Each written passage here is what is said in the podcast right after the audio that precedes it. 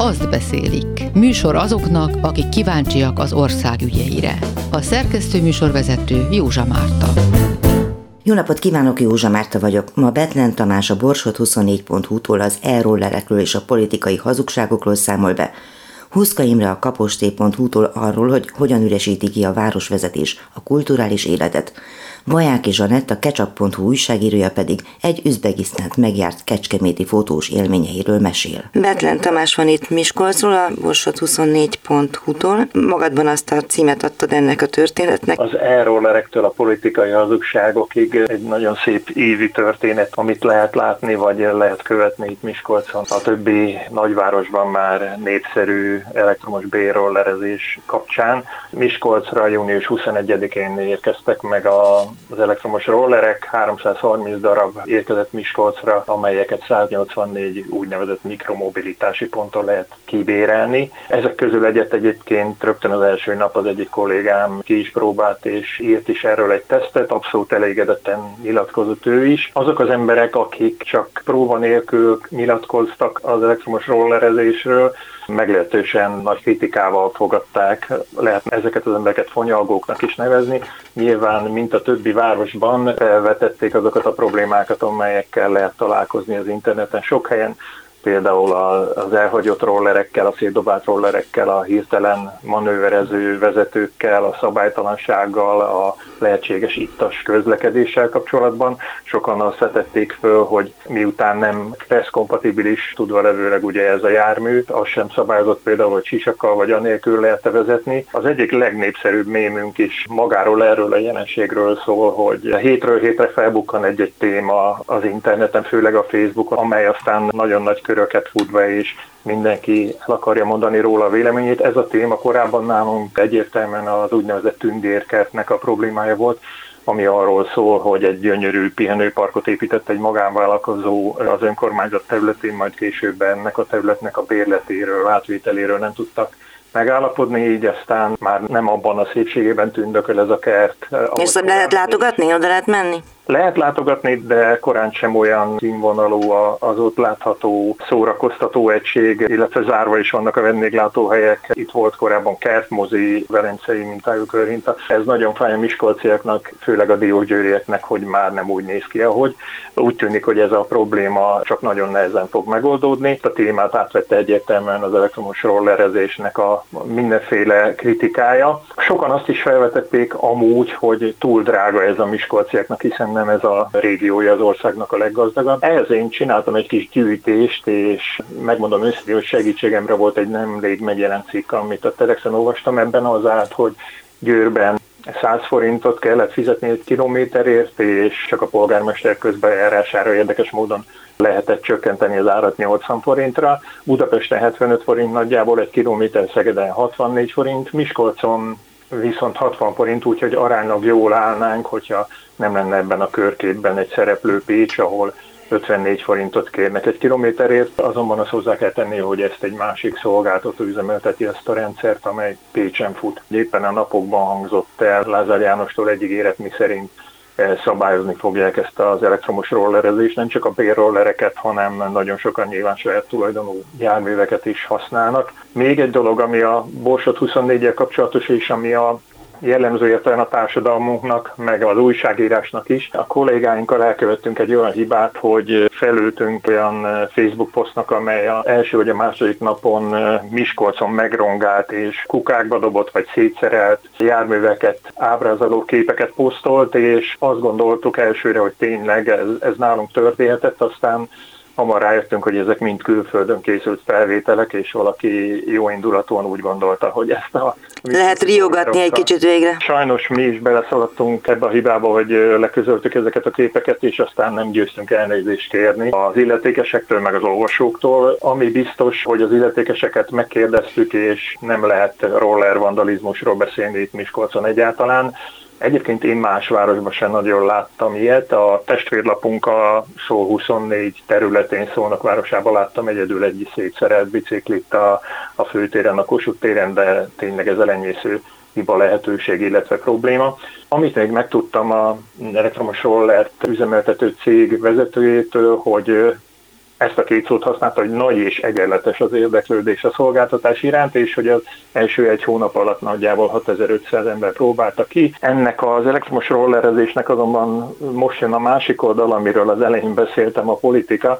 Ugye nagyon sokan meglátták a lehetőséget abban, hogy ez, ez a téma mennyire érdekli az embereket. Így például Pólósi András, aki a KDMP Miskolci önkormányzati képviselője. Azt hiszem, hogy az első vagy a második napon videóposztot tett közé az interneten, a közösségi oldalán, és azt a mondatot tudta elmondani, hogy az elektromos rollerekkel akarja javítani a Miskolci tömegközlekedés helyzetét, a baloldali városvezetés, ahelyett, hogy visszaállítaná a 2019-es menetrendet.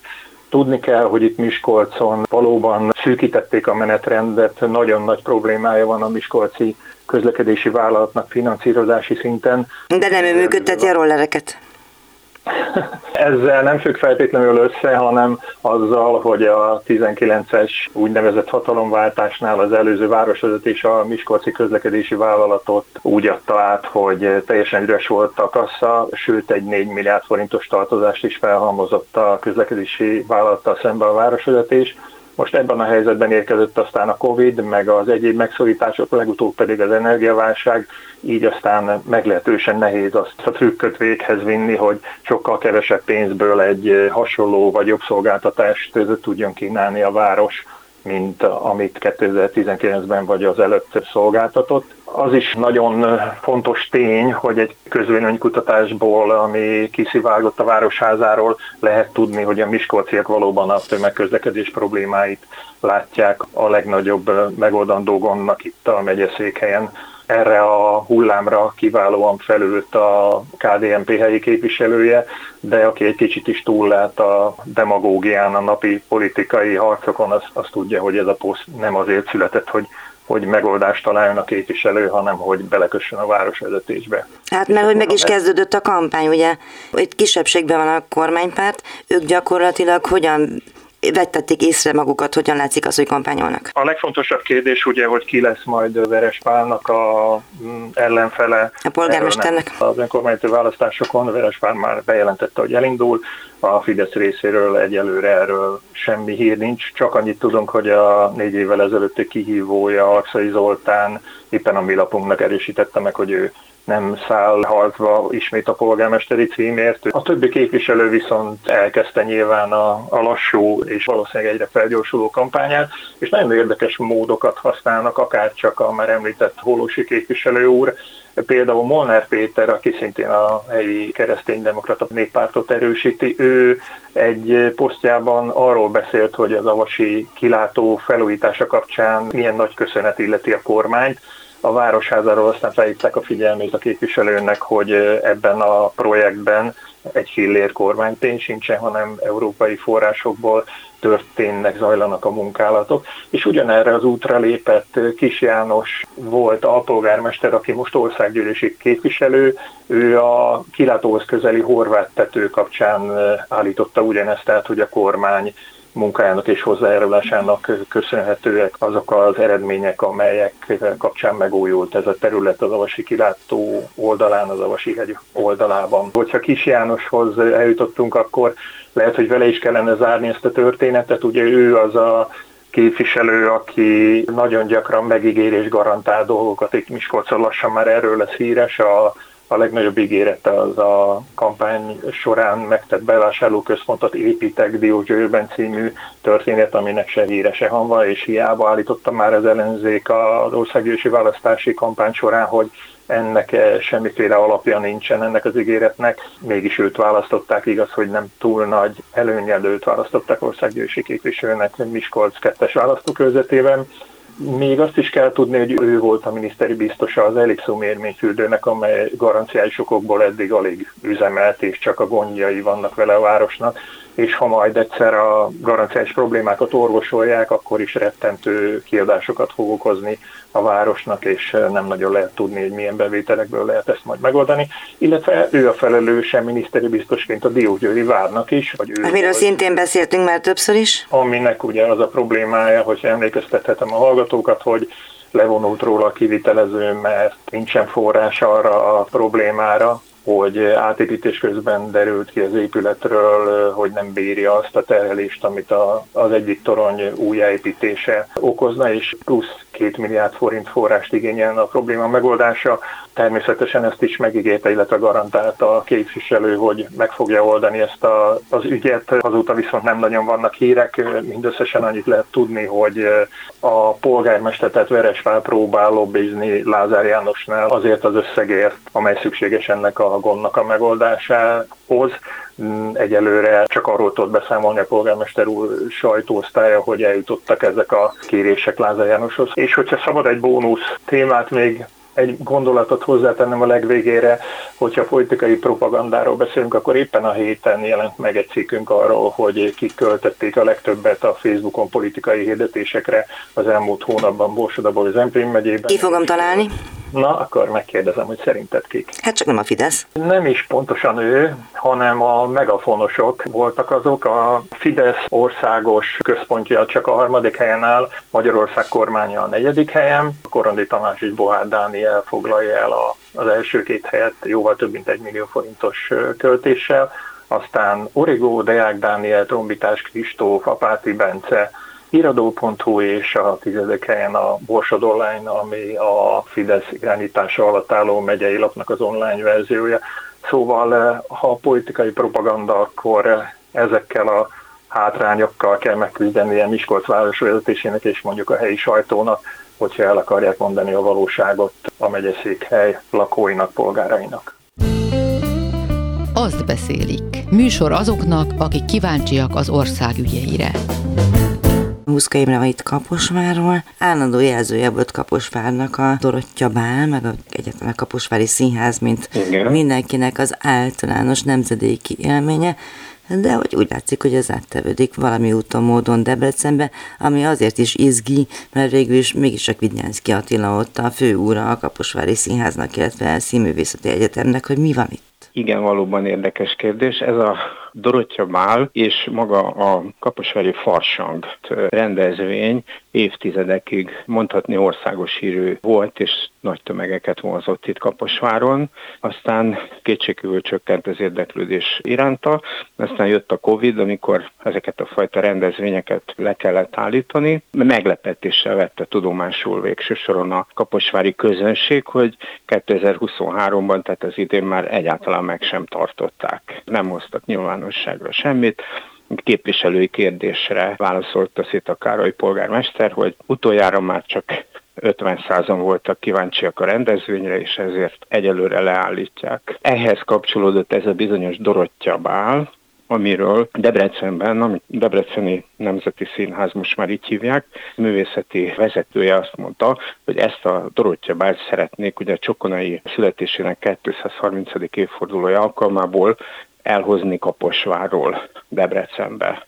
És ez azért egy kisebb megütközést okozott itt a városban, hogy csak itt se szó se beszéd, ezeket a tipikusan kaposvári kötődésű rendezvényeket Debrecenben nyitják meg. Lehet vitatkozni a csokonai kötődéséhez ide-oda vagy amoda, de hát hogy nem az a lényeg, hogy csokonai hol és mikor kezdte el, vagy miről írta, hanem az, hogy hogyha egy városnak van egy hagyomány sorozata, akkor azt nem is tudom, miért kell innen elvinni, de hát. Végül is erről van szó, hogy ezt legelőször 1960-ban rendezték meg, és ennek van mindig kötődése a Kaposvári Színházhoz is, mert Ugye van a Vigeposz, a Dámák Dorottya Dámák diadalma Fársángon, ugye ez, ez a kiinduló pontja, amiről egyébként lehet tudni, hogy magát az eredeti rendezvényt 1798-ban Kaposváron tartották meg, tehát innen ered a hagyomány és ez Csokonai konkrétan Kaposvára is teszi a Vigeposzban. Nagyon régóta, mondom 1960 óta valamilyen formában megrendezik,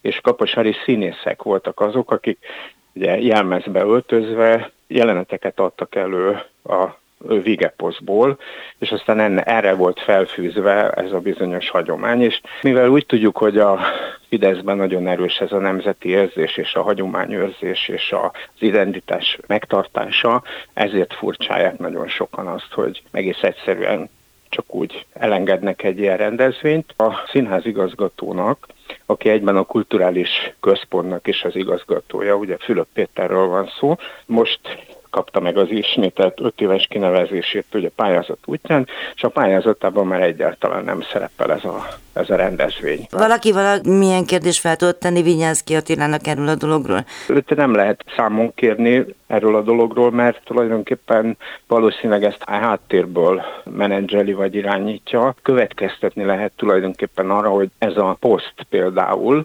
Pécsi Országos Színházi Találkozó, amiről a hozzáértők azért azt mondják, hogy nagyrészt az, hogy megszűnt Pécsen, mindenképpen Vidnyánszki Attilának köszönhető, és aztán érdekes módon az idén ez is kikötött Debrecenben. Azt pedig tudjuk, hogy Vidnyánszki Attilának a szíve csücske Debrecen. Én azt hittem, hogy Beregszász. Végül is még ott nem tartunk, hogy Beregszászra vigyen magyar rendezvényeket, vagy magyarországi rendezvényeket. Minden esetre ez egy beleillik egy mintázatba, szóval úgy tűnik, hogy Debrecent akarják ezekkel pedig szerintem Debrecennek vannak hagyományai, vannak rendezvényei, eseményei. Kaposváron viszont úgy tűnik, mintha kicsit kezdene elszürkülni és kiüresedni ez a fajta kulturális élet. Úgy tűnik, hogy nem igazán tudnak mit kezdeni a kicsit bonyolultabb dolgokkal. Egy Ripronai Fesztivál, ami nem akarom ezt a szót használni, hogy odaig süllyed, hogy néhány fővárosi könnyűzenei rock, illetőleg Azaria koncertet idehoztak, és ez a Riprónai Fesztivál képzőművészeti része a dolognak, pedig amivel eredetileg a Riprónai Fesztivál indult, Festők városa kezdetben ez volt például a neve, az, az egyszerűen lekopott róla. Mivel, hogy festék. Bocsánat. Ugyanakkor meg nagyságrendben az elköltött pénz az nem lett kevesebb. Ugyanúgy elköltenek rá pénzt, csak egész egyszerűen ezek szép szavakká válik, a hagyományőrzés meg az identitás megtartása. A gyakorlatban mi valósul meg belőle, az már más kérdés. Tehát azt látjuk, hogy elszürkül, kiüresedik, állaposodik, legalábbis a kaposváriak így látják. Azt beszélik. Műsor azoknak, akik kíváncsiak az ország ügyeire. Vajáki Zsanett van itt, ketchup.hu-nak a szerkesztője, riportere, és végre egy olyan történet, amiben van, hát hogy is mondjam, kedvesség. Kecskeméti fotóriporter és Üzbegisztán kalandjai mesély. Ugye a Kecskeméti riporter Újvári Sándor akinek tulajdonképpen a közösségi oldalon bukkantunk egyre érdekesebb képeire, illetve láttuk, hogy valahol nagyon messze kalandozik, ami így felkeltette az érdeklődésünket, és kértünk tőle egy interjút. Ekkor derült ki, hogy tulajdonképpen létezik egy Türkszói nevű nemzetközi kulturális szervezet, amiben török anyanyelvű közép-ázsiai országok tudnak csatlakozni. Ennek a szervezetnek a célja az, hogy valamilyen kulturális vagy művészeti tevékenység által így kapcsolatokat építsen az országok között, és idén Üzbegisztánon volt a sor. Ő hirdetett meg tulajdonképpen egy ilyen fotós túrát fotóművészek számára, és egy kicsit váratlan, de kalandos úton módon Újvári Sándor bekerült ebbe a 18 fős fotós csapatba, aki három hétre kiutazhatott Üzbegisztánba. Ugye az érdekesség az volt, amit ő mesélt, hogy nagyon-nagyon megtervezett útvonaluk volt, kifejezetten ugye a turisztikai célpontok felé vitték őket, de hát nyilván 30 éves fotós múltal nagyon-nagyon kíváncsi volt arra is, hogy mi az, ami ezek mögött a turisztikai célpontok mögött zajlik a hétköznapi emberek arcára, és ezek a képek, amik tulajdonképpen ilyen szociokulturális fotók gyönyörűen sikerültek, és ezek mellé mesélt nekünk így érdekesebb kalandokat, amiket átélt odakin. Például mennyire kaptak ők szabad kezet abban, hogy dolgozzanak ugye látunk egy pár filmet Észak-Koreáról, hogy hogyan lehet ott fotózni, ehhez képest azért lehetette szabadabban mit mond ő? Mondta, hogy abszolút. Meg volt a kötött program, és nyilván meg volt, mivel a cél az az volt itt a meghívása, hogy Üzbegisztánról egy ilyen ajánló fotósorozat készüljön, ami majd oda csábítja az embereket. Ezért ezt a kötött programon belül muszáj volt megcsinálniuk, de kaptak lehetőséget arra, hogy a csoporttól akár leválva saját fejük után menve azt fotózzanak, amit szeretnének, és ezeket a képeket is ugyanúgy magukkal hozhatták, aztán haza nem volt megkötés ilyen szempontból, hogy mi az, amit mutathatnak, vagy mi az, amit nem. Hogyha már sikerült szabadon képeket is lőni a hivatalos képek mellett, mennyire volt számára komfortos, mennyire segítette ez a világ? Ugye, aki nem jár minden héten Üzbegisztánban, annak mm. valószínűleg segítségre is van szüksége. Azt mondta, hogy ez egy hatalmas komfortzóna átlépés volt, mert alapvetően ő volt az egyetlen egy európai ember a fotós csapatban. Nehezítette még a helyzetét, hogy ő vegetariánus, amit ott Üzbegisztánban nem nagyon értettek, hogy ez pontosan miből áll, mert tulajdonképpen minden étkezéshez szinte húst Mentes adnak. birka. igen, igen, körülbelül ezt akarta, és azért nyelvi nehézségek is voltak, ugye javarészt török és orosz nyelven beszéltek az emberek, amiket ő annyira nem értett, viszont ezek az ő nehézségei voltak, amiket kint profin, azt mondta profin kezeltek, mert nagyon-nagyon jó tolmácsok kísérték őket. A szervezett program az tényleg azt jelentette, hogy a nap első percétől kezdve mindent megmondtak, hogy hol van reggeli, mikor mennek, mivel mennek. Talán ami érdekesebb volt, azt mondta, hogy még egy kicsit hierarchikusabb a rendszer. Itt azért előfordul az, hogy az időpontot megmondják, hogy mikor indulnak, mivel mennek, de azt nem feltétlenül árulták el mindig, hogy a nap végén hol fognak kikötni. Úgyhogy azt volt olyan, hogy csak, csak este tudták meg, hogy végül akkor, akkor hol fognak aludni. Volt is példa arra, hogy a sivatag közepén egy jurtában, és ezt nap indulásakor még nem igazán tudták, hogy így lesz. Már fotó szempontból ez nem egy olyan nagyon rossz opció. Mit mesélő, hogy nyilvánvaló valami miatt szervezik ezeket a kvázi országimás körutakat a mhm. fotósok számára, de hogy mennyire tűnik ez az ország prosperálónak, vagy nem tudom én, európai szemmel milyennek látta? Nagyon-nagyon meglepő volt számára. A városoknak, ugye a főbb nagyvárosokat járták be, maga a városoknak a tisztasága, illetve a szervezettsége, bár nagyon nagyban gondolkoznak, ugye hatalmas felhőkarcolókat építenek, de ugyanakkor ezek mellett jelen van egy ilyen körülbelül száz évvel ezelőtti Magyarország is abban a tekintetben, hogy a hétköznapi civil életben azért inkább a falukban úgy élnek az emberek, mint mondjuk 50-100 évvel ezelőtt, akár a fejlettségben, akár az infrastruktúrában, és hogy neki például erősen megidézték ezek a családi házak, ahová bemehettek így a nagymama vagy az ő nagyszüleinek a, a kisfalusi házait. Iszonyatosan közvetlenek az emberek, ugye nagyon erős hit és a valláshoz való kapcsolódás, erősen iszlám országról beszélünk. Ennek ellenére toleránsak más vallásokkal voltak buddhista parkok, amikben jártak például. Egy kiegyensúlyozottság és, és elfogadás jellemzi az embereket, amit pedig iszonyatosan kiemelt az az, hogy az idősek, és különösen az idős nők iránti tisztelet, és az ő aktivitásuk milyen meglepő volt számára, hogy ezek az idős nők nem a házak mélyén elrejtve, vagy valahol ilyen félrevonultan élnek, hanem nagyon aktívan kiveszik a szerepüket a családi életből, szinte ők a központjai egy-egy családnak, amikor kinyártak, akkor a legmagasabb hőmérséklet ez 45 fok volt, ezért jellemzően éjszaka élnek az emberek ott, akkor mennek ki az utcára, akkor játszanak, vásárolnak, és ezeket a családokat ilyenkor a nagyszülő vezeti, ő van a középpontjába, derűsek, iszogatnak, eszegetnek, és, és egy nagyon jó hangulat jellemzi őket. Valami miatt mégiscsak egyedül európaiként bekerült ebbe a fotós csapatba. Itt reggeltől estig folyik az, hogy a türk tanács meg a türk népek, nem tudom, milyen türkök vagyunk, de hogy ők tudják, hogy kik a magyarok.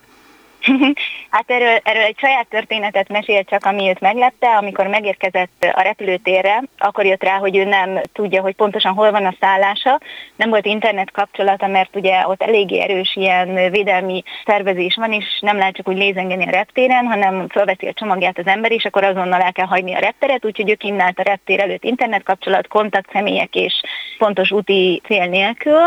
A taxisor az ott is ott állt, és az üzbék taxisok segítségére szorult, ami nyelv tudás nélkül szintén egy kicsit nehézkes volt, de végül nagy nehezen annyit megértettek a sofőrök belőle, hogy ő Magyarországról érkezett. Egyből felcsillant a szemük, és elkezdték sorolni, hogy akkor Budapest és Paplászló, és akkor boxolóállásba ugrottak, úgyhogy ez őt is meglepte, hogy ilyen információkkal rendelkezik akár egy, egy ilyen kigombolt ingű papucsos taxis is. A független sajtóban dolgozó kollégáimat Betlen Tamást a Borsot 24.hu-tól, Huszka Imrét a kapusté.hu-tól és Bajáki Zsanettet a ketchup.hu újságúriát hallották. A műsor elkészítésében Lehoc Ki Miriam volt a segítségemre. Jövő héten is itt leszünk, köszönöm figyelmüket, Józsa Mártát hallották. Azt beszélik című műsorunkat hallották.